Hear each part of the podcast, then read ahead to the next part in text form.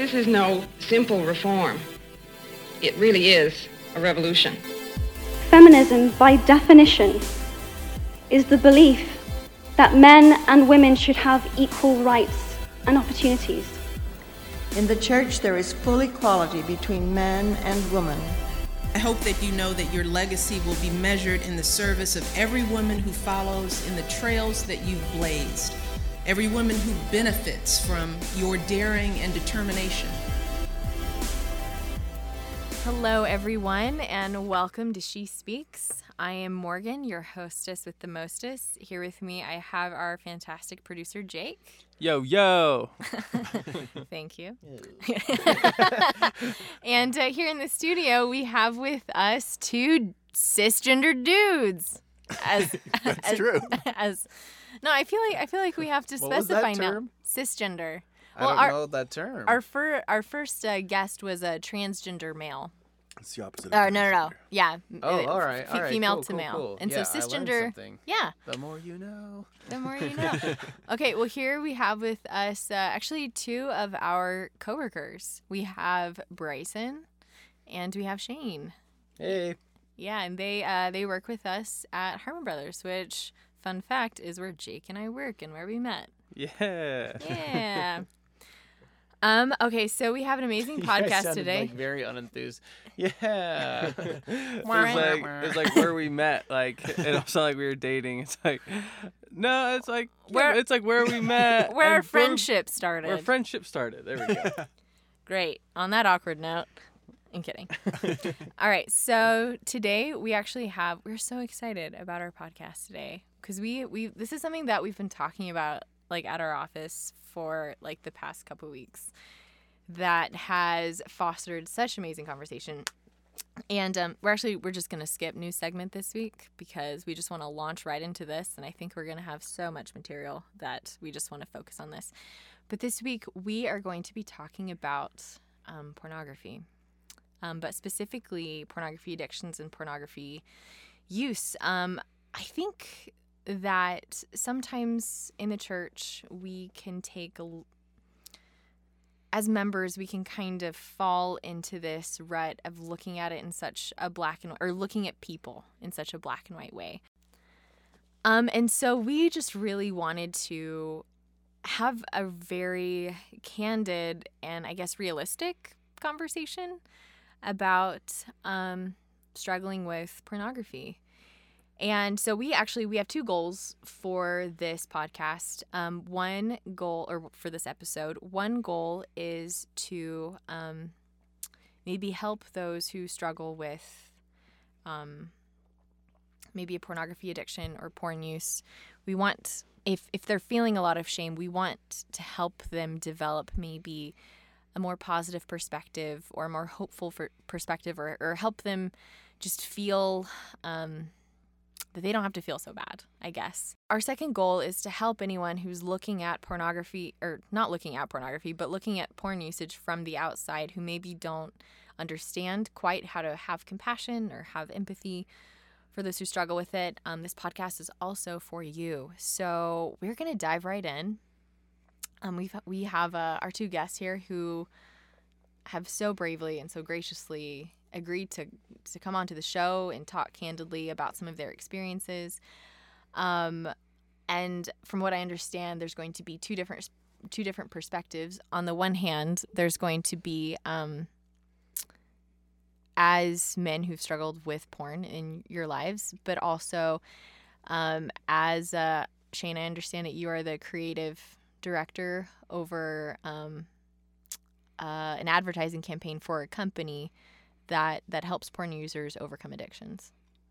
Is that yes. yes? Okay, That is awesome. accurate. That is accurate. Yeah. Awesome. Yeah. Awesome. Well, Been very deep into all that stuff and understanding it a little bit better.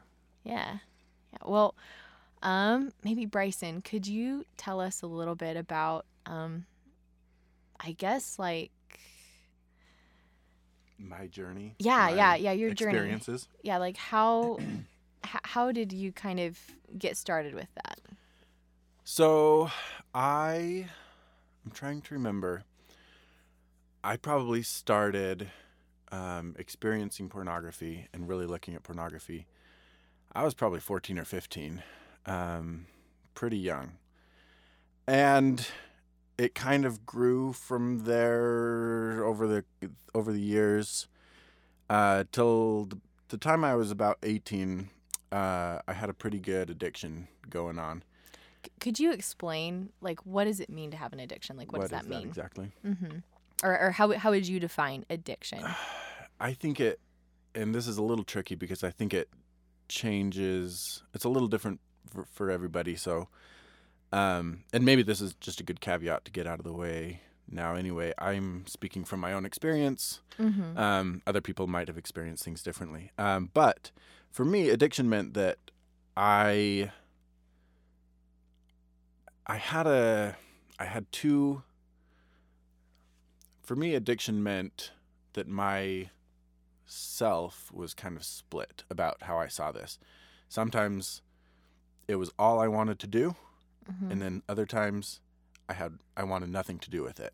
Mm-hmm. Um, and even when I wanted nothing to do with it, I couldn't seem to stop. And so for me, that's kind of how I decided that yes, this is an addiction because it's not something I can seem to overcome by myself. Mm-hmm. Uh, and so again, it was kind of oops, just hit the mic. Again, it was kind of off and on over the years. Um, I think the hardest thing for me was just not being able to talk about it and not tell anybody. And I thought I was the only one. Mm-hmm. Uh, certainly out of my friends, out of my church group, out of um, anybody I knew. Uh, so it was really hard. Um, even into my 20s is kind of when I started to get a handle on it. And um, really, kind of a short time before I got married uh, is when I actually started to feel hope and started to see things change and start seeing an improvement where I uh, felt I was overcoming the addiction. Yeah. So when you, I guess, like first started struggling with it, or maybe kind of like when it had uh, the greatest hold on you or, or the biggest effect in your life, how did that come into play with your spirituality and your religious beliefs? Did it have any effect on that, or, or did spirituality have any effect on how you felt about yourself or felt about pornography? That's a good question.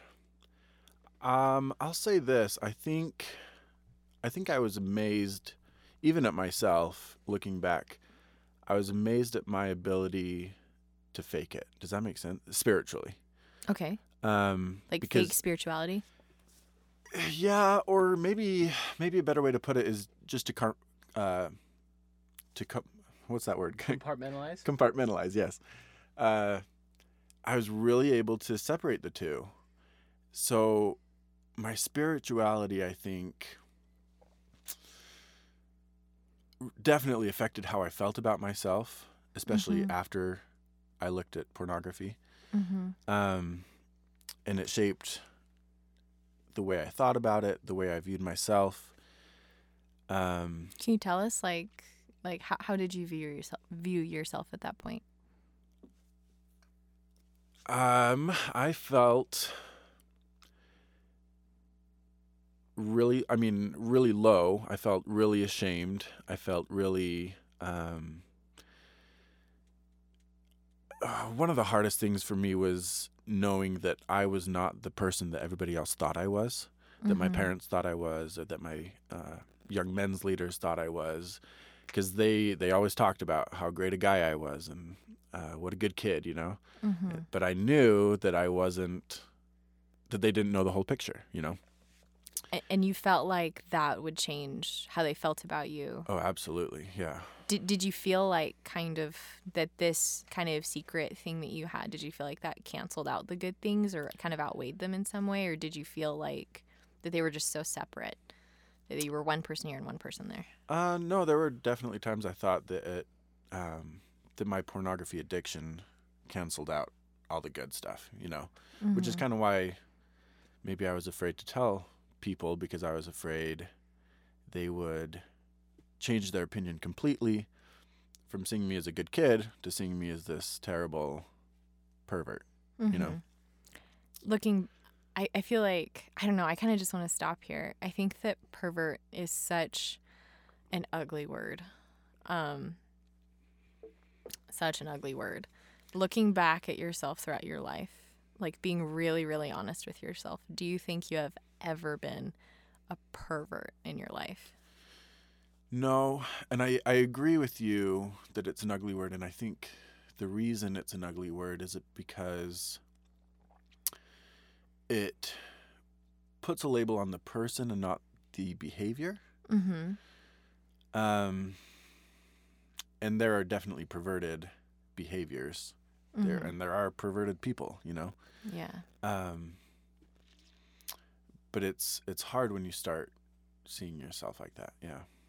Gosh, it almost kind of, I don't know. This is maybe me getting too emotional, but that makes me want to cry because, like, I know you and I know that you're such a good person. I know, like, everyone in this room, like, you guys are amazing guys.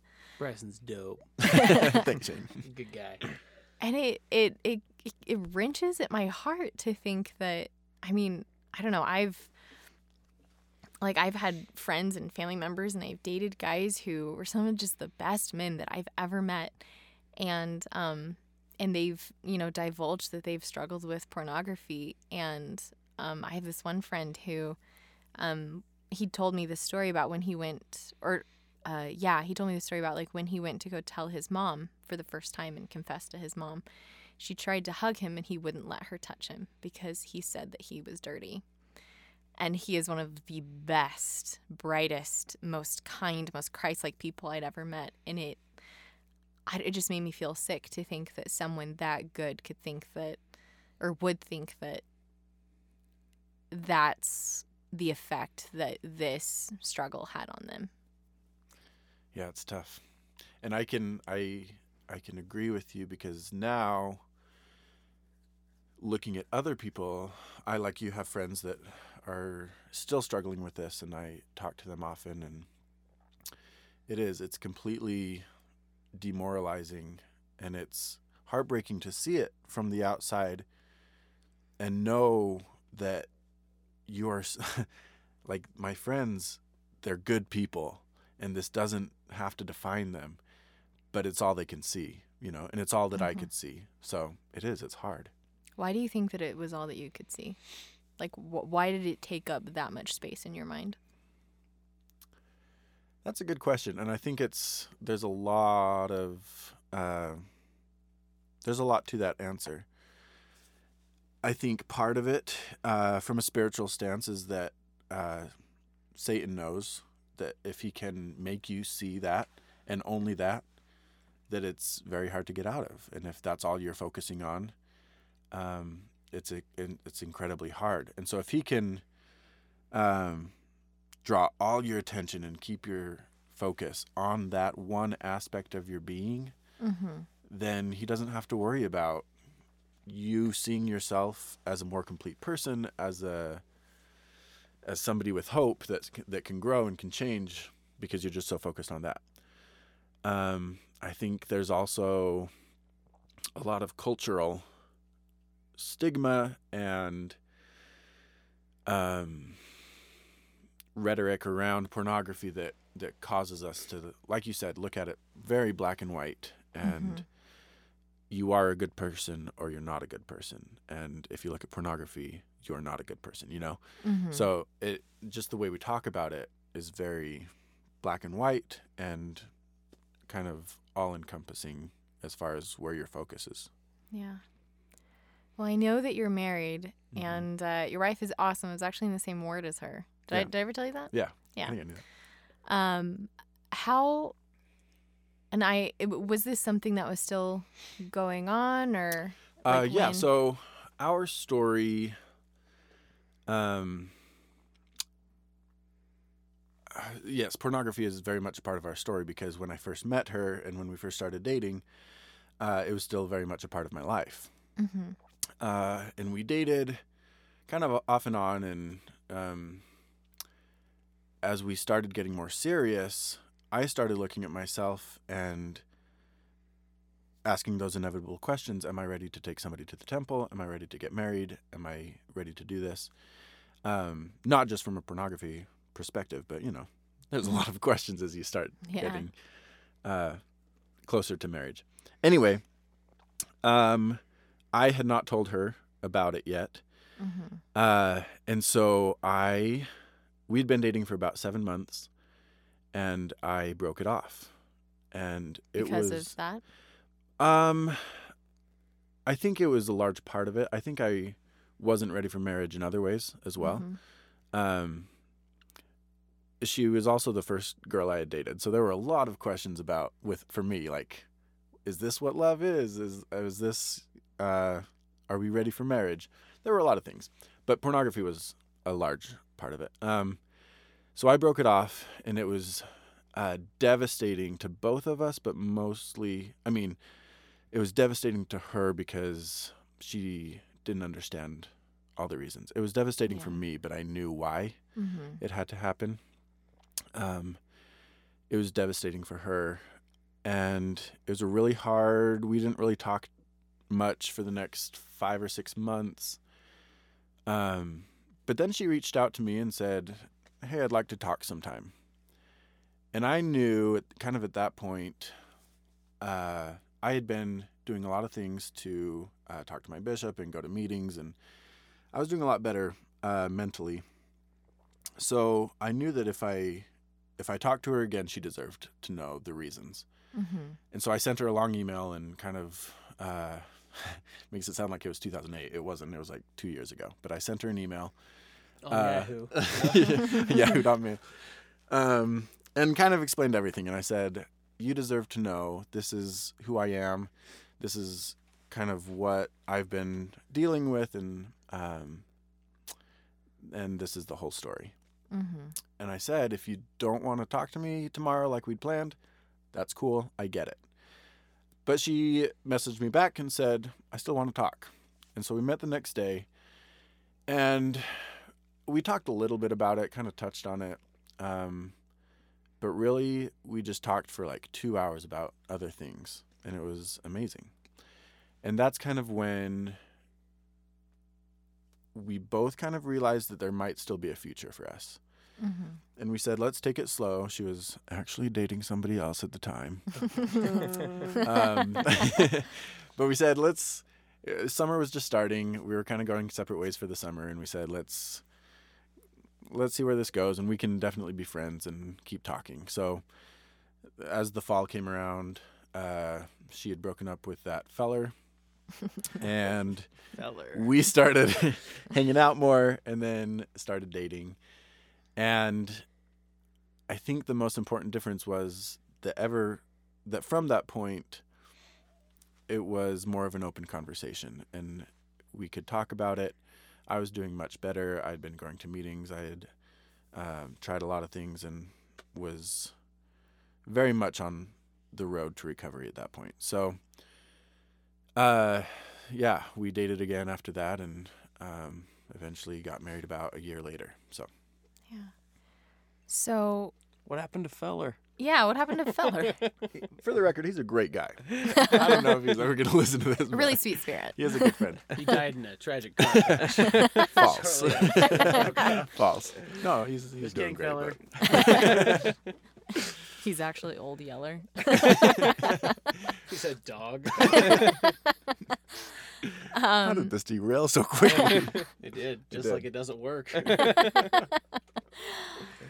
Um, so I'm I'm really interested in um I mean and and we can kind of open this up to like everyone who's here but how pornography like affects relationships and, and we're, we're going to go more into Shane's story in, in a little bit but um as as a girl I've been in relationships with guys who've struggled with pornography to, to differing degrees um, and I've handled it in different ways depending on my age and maturity level. I dated one guy who struggled with pornography, and um, the relationship was over. And I had this mentality that, you know, he ruined it. You know, like he ruined our relationship. And, you know, why didn't he think that, you know, someday he's going to take some girl to the temple? Like, why didn't he plan for that when he first saw pornography?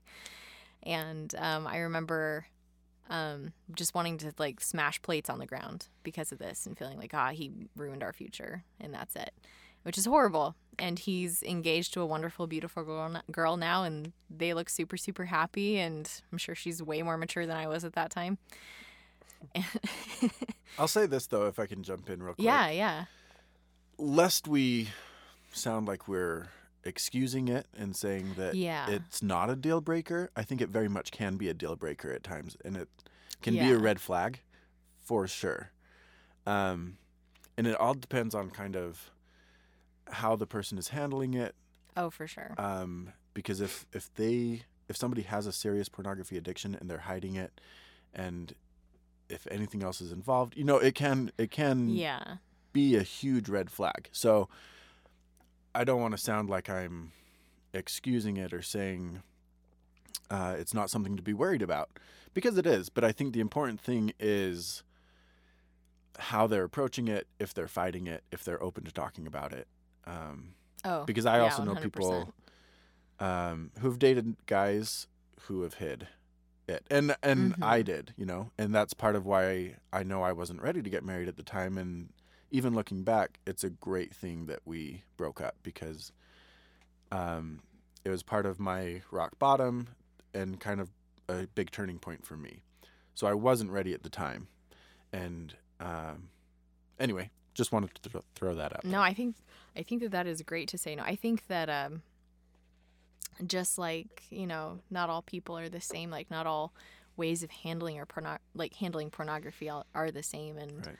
Um, I dated this one guy, different guy, who before we even started dating, he told me that he struggled with pornography and he had for most of his life, but that he was you know really trying, and it was mainly in the past. Um, and he had occasional relapses, f- but uh, but even before we went on our first date, he told me that. I'm not saying that that's something that, you know, that everybody needs to do. Bold say- I'd move, say- Yeah. Most of the time, I wouldn't go down that. yeah, road. no, no, but I You're think like at speed dating. Hi, I'm Shane. I've struggled with pornography. What's your interest? no, no, I wasn't like that at all. We'd uh, well, no, no, it, it wasn't like that. We we'd been friends for a while, but um, but it was something that he shared on early on in our relationship, so that I could make the decision about whether or not you know I wanted to take this on, and I.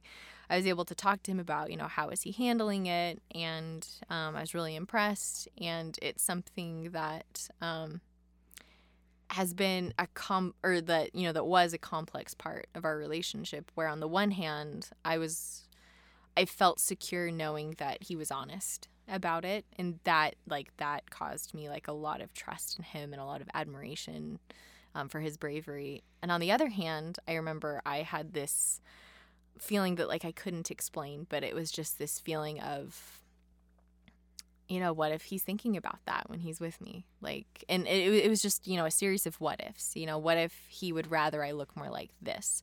Or what if, um, you know, like, like what if I'm not good enough? Like, what if I should get a boob job and then he would like me more and I would be more like what he liked? Um, and I remember hitting a point where I realized that none of none of these fears were actually coming from him or any of anything that he's ever said or anything he had ever done, any of his behavior, that it was me. It was coming from me. And actually, his um, struggle with pornography was not having, it, like, in of itself, organically, was not having as big of an impact on our relationship as my anxieties about um, his struggle with pornography were.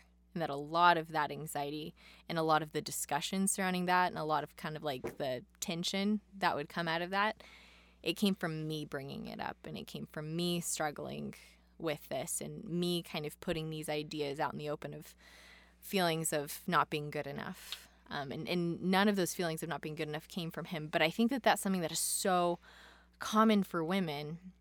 And so i want to know from you know f- from you guys what are things that you know that your wives have struggled with and what are ways that you have helped them to i guess understand how you feel about them First of all, I think those feelings that you had, those feelings that you had are at some level inevitable. mm-hmm. Uh, like I don't think you should feel bad for having those questions at all. I think that's one of the one of the dangers and really ugly parts of pornography aside from a spiritual level is it does create trust issues. It does make people think and have those anxieties because it is an obsession with fantasy, you know? So, I think those those anxieties and and fears are perfectly normal. I don't know. I don't know. Yeah, I don't know. It's a good question. I've been hesitating to talk because I have a tendency to talk too much, as my three coworkers can attest. No, I mean I agree with Bryson, and I, I, I think that these these feelings are somewhat inevitable. But I, I mean, you know, to be fair to a lot of the women, I feel like they're very like, um, like that doesn't make their feelings like not like not validating those things or like making say that they shouldn't feel that way because I feel like that's like a very natural thing that like you know someone you're dating or your husband is looking at someone else like Bryson just said that's this Yeah. the, based in this fantasy land that's not real life. You know I feel like that those are very like natural insecurities that come up. Um, and I think it's you know for me and my wife um, like it took a long time to understand that it like that wasn't like this like deficiency in my wife that like led to me looking at pornography in any way shape or form um, or like lack of like you know happiness with like our intimate life or anything like that which i feel like is such an easy assumption to make because i think to women it makes sense and then i don't know about you bryson but for me it was never like well, my wife doesn't have a boob job. Time to go look up girls who do have boob jobs. You know, Yeah. not not to be like too, you know, I don't know if that's too crass or too on the nose for the producer and hostess with the mostess over here, but like, I just yeah, or flip it. Morgan yeah. said vagina before on the podcast, so I think. Well, then I think we're fine. no, but I, I mean, like Anatomy is so crass. Text, textbook style anatomy. no, I, I just think it like um, those are very natural things, and I feel like for like honest recovery on both sides, like uh, I feel like a, to some degree, I feel like um, especially women in the church almost have to like go through that like process of feeling that way at first to then get to the realization of what's the core of the issue and like to understand that this doesn't involve me this isn't my thing this is his thing that he's working on and i shouldn't feel like crap because of this issue he's struggling with. And i feel like when that corner when you turn around or when you go around that corner and kind of um, reach that conclusion that it's not the you know the woman's pro- the woman realizes it's not her deficiency that's causing this that's when it changes or at least it changed for me as far as from like my wife uh, became someone who was a massive support because she could kind of emotionally detach like my actions to like from her value. Does that make sense? Yeah, I, I kind of want to dive into that a little bit more, like detaching your actions from her value. So I, I think that in order to understand that, we really kind of need to understand why do men or women, anyone, why do people go to pornography? Like what what's kind of like the root cause of that? Uh, I mean, I I don't know about you, Bryson, but like, I- I mean, I know you said you were what fourteen. When you first- in there, yeah, I was pretty young. I was like, I think my first exposure to pornography was like eight, which was Mhm. like way young. Like, and so I, for me, like it wasn't like a, like a something that happened. Excuse me. For me, it wasn't something that happened when I was, you know, getting sexually curious just as a byproduct of like you know maturity and you know going through puberty it was like something that was like shoved in front of my face at like a crazy young age that even at that age it kind of like started to kind of shape and like it kind of shape like my sexual view of the world because that's all I knew as far as sexuality went. And Mhm. so that was like it, it almost became like what defined my sexuality for a long point of or a long period of my life and it's only been until like, you know, in the last probably 10 or 12 years like that span where like I've started understanding how to redefine and read like understand my sexuality outside of like the unhealthy context of like pornography, right? So I feel like for me it wasn't like why did I look at pornography? It was because that was like what my like roots of like sexuality and understanding sexual feelings came from. Like like it was to the extent where like my parents pulled me out of maturation like in like 5th grade, which was wildly embarrassing. Mm-hmm. I don't think my mom will ever listen to this, so I don't feel that bad. But like I didn't even like get the talk of like this is what a vagina is. And sorry, I said it too. This is what a penis is, you know. So like I didn't have any of that. My mom and dad never gave me the talk on anything. I remember the first time like I saw like uh, genitals in general outside of a pornographic setting was like ninth grade in like junior high in like a health class, and like everyone else seemed like, oh yeah, I've seen this before, and I'm like, what the freaking crap are you talking about? Where did you see this? You know, like, so it, it was- that was like to answer your question, Morgan. I feel like it was like it was just like habit of or like it was just like the base of like what my sexuality was and had always been and you know didn't I didn't have any kind of other sexual interaction with anything else besides pornography including mm-hmm. any kind of parent figure talking to me about what healthy sexuality is or any kind of like school program talking to me about like what healthy sexuality was. So like that's all I knew. And I knew that like I en- I enjoyed looking at it like on like a very base level obviously but then like you know from a religious perspective i knew like this was wrong but like i looked at it even before i like fully understood like what i was even looking at if that makes sense that, that's that's that's my perspective and i know that's not everybody's Yeah. No, I think that's. I think that's a huge part of it. Um, and going back to why I looked at it, Mm-hmm. like Shane said, there is a base thrill, you know, Mm-hmm. um, just the arousal of looking at pornography. Um, I think it also contributed that it was forbidden, mm-hmm. which is an added adrenaline rush, you know. Mm-hmm. Um, and so it was a lot of a lot of chemicals flowing through the brain, you know. Mm-hmm. Um, a lot of endorphins and a lot of um, what's the word I just used? chemicals Nope, the other one. Endorphins. endorphins The other one. Body. Adrenaline. oh. There's a lot of endorphins and a lot of adrenaline. Um, and I think that's kind of what kept drawing me back to it. And then, yeah, kind of the silence around it. I like how you said it. It, it just, it was my understanding of sexuality was pornography. They were synonymous. Um, and there was there was no healthy sexuality. There was no healthy view of it. So, um, my wife and I have talked a lot about how open we want to be with our children mm-hmm. and how we want it to be an ongoing conversation where they can ask anything they want and we are comfortable talking about it and answering their questions. And I think I think that that is something that's a change. I don't think it's always been that way. I think the church Mhm. has been able to say in the past, you know, don't look at pornography and kind of leave it at that because pornography was really hard to get. So it Mhm. wasn't out there. I think with the internet, uh, everything has changed. So I think it's a generational thing too, where I don't really blame my parents at all for how they talked to us or didn't talk to us about sexuality. Because I mm-hmm. think that was just kind of the status quo for the time. But I think going forward, we do have to be far more comfortable talking about it and including it in everyday conversations and just being really comfortable being able to explore it and talk about it in a nuanced, honest way. get ready to be uncomfortable with your kids Yep. sorry millennials no.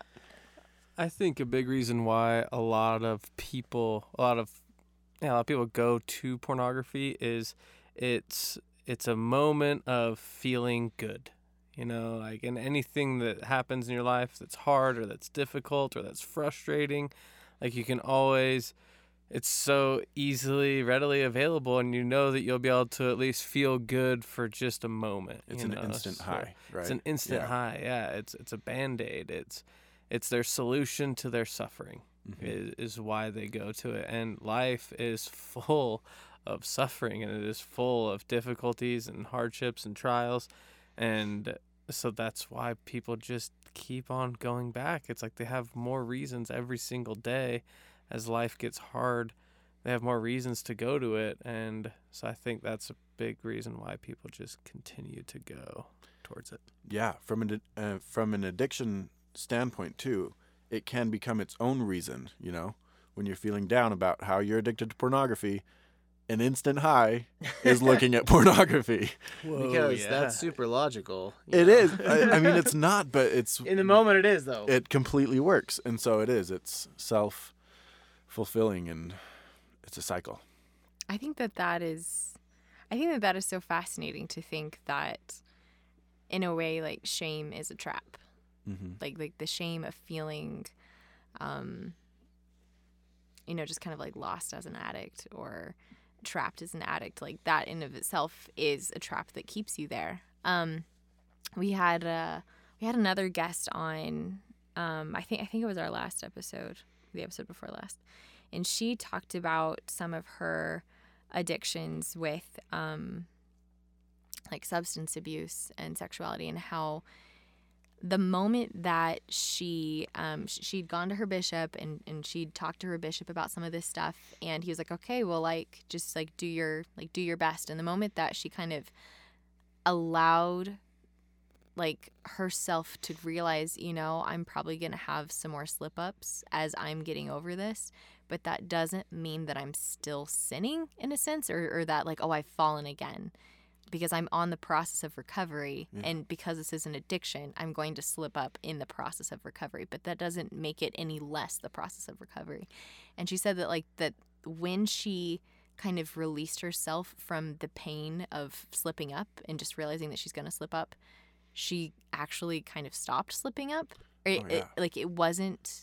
I totally believe it. yeah and uh i don't know i think that um i don't know th- th- this is something that i've talked about with you guys um i uh i love the men are from mars women are, women are from venus book. I think it's a tad bit outdated with some of the stereotypes and perspectives but there's this part in the book where they talk about brain chemistry and they talk about oxytocin and they talk about testosterone and the role that these chemicals play in our everyday lives. And in a way kind of i guess how men and women can either encourage and uplift each other or kind of control and belittle each other um, people have a huge effect on each other's chemistry.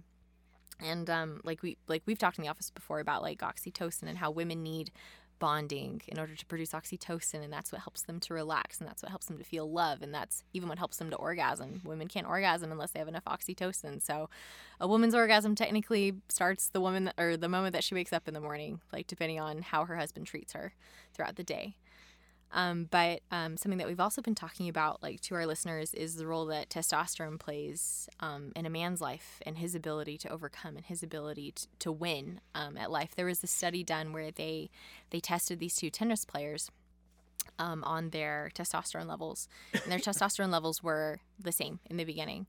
Um, but at the end of the tennis match, they tested their testosterone levels again, and they found that the winner had more testosterone um, by the end of the match, and that it was something that helped him to win in the future, and that um, propelled him to win was this rush of testosterone that he would get and this growth of testosterone. And men tend to uh, produce more testosterone when they are already winning, when they feel like they're winning, when they feel like they are fixing things, when they feel like they're being successful.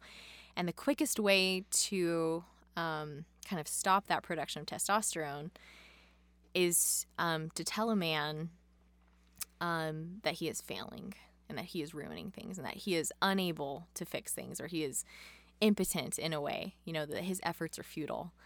Um, And that voice can come from the man yeah, himself, yeah, right? yeah, As- and that if he's telling himself. Exactly. Yeah, anyone, anyone, whether Yeah. that come from a bishop or a parent or a girlfriend or himself, um, that like that can play a huge role on whether or not he's even able to win. But but when um, a wife or a parent or a bishop focuses on the good things that this man is doing and look at all these things you're having success in, like look how awesome you are, that produces more testosterone and it enables the man to overcome the challenges that he's trying to overcome. And I think that that's something that everyone really needs to understand is we affect each other so much and we, we we can have you know the the negative and the positive things that we t- that we choose to focus on ourselves can have a huge impact on you know having success in our goals and in Yeah. overcoming things like pornography addiction and, and just having a realistic view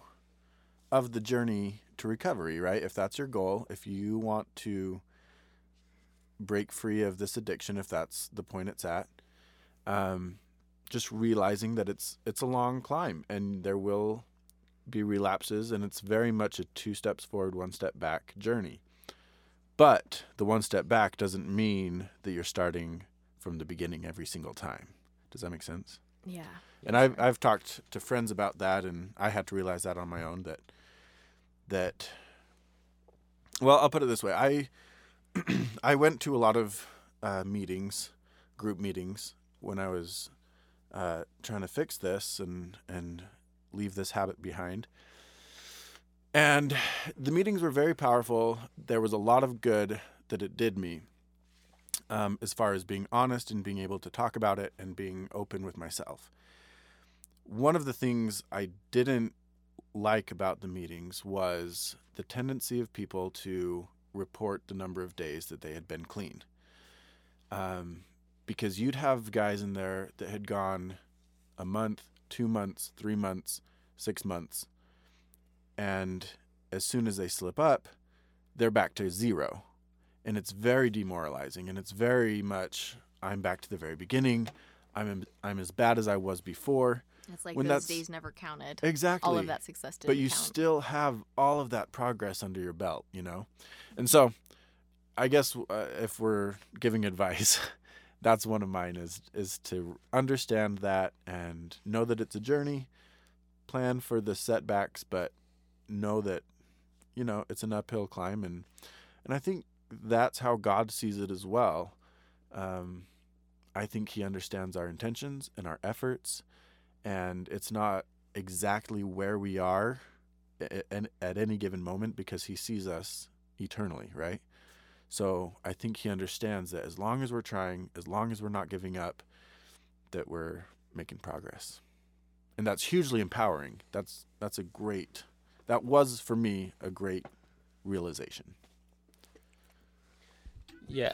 I, I would just want to echo what Bryson said. I feel like that was actually one of the things because I went to 12 step meetings, uh, the, the church did as well for a number of years. And I feel like that was one of the hardest things for me is just feeling like even though I'd accomplished like a big stint of uh, not relapsing, being like, yeah, I'm, I'm two days clean and you just, I feel like a turd, you know, like, and so I feel like the thing that helped me understand it a little bit better was just like being like, this isn't you're not free soloing the face of El Capitan where and like you don't have a rope and if you like fall off you fall seven you know billion feet to the ground and you explode in a giant violent puddle of disgusting you know, mess.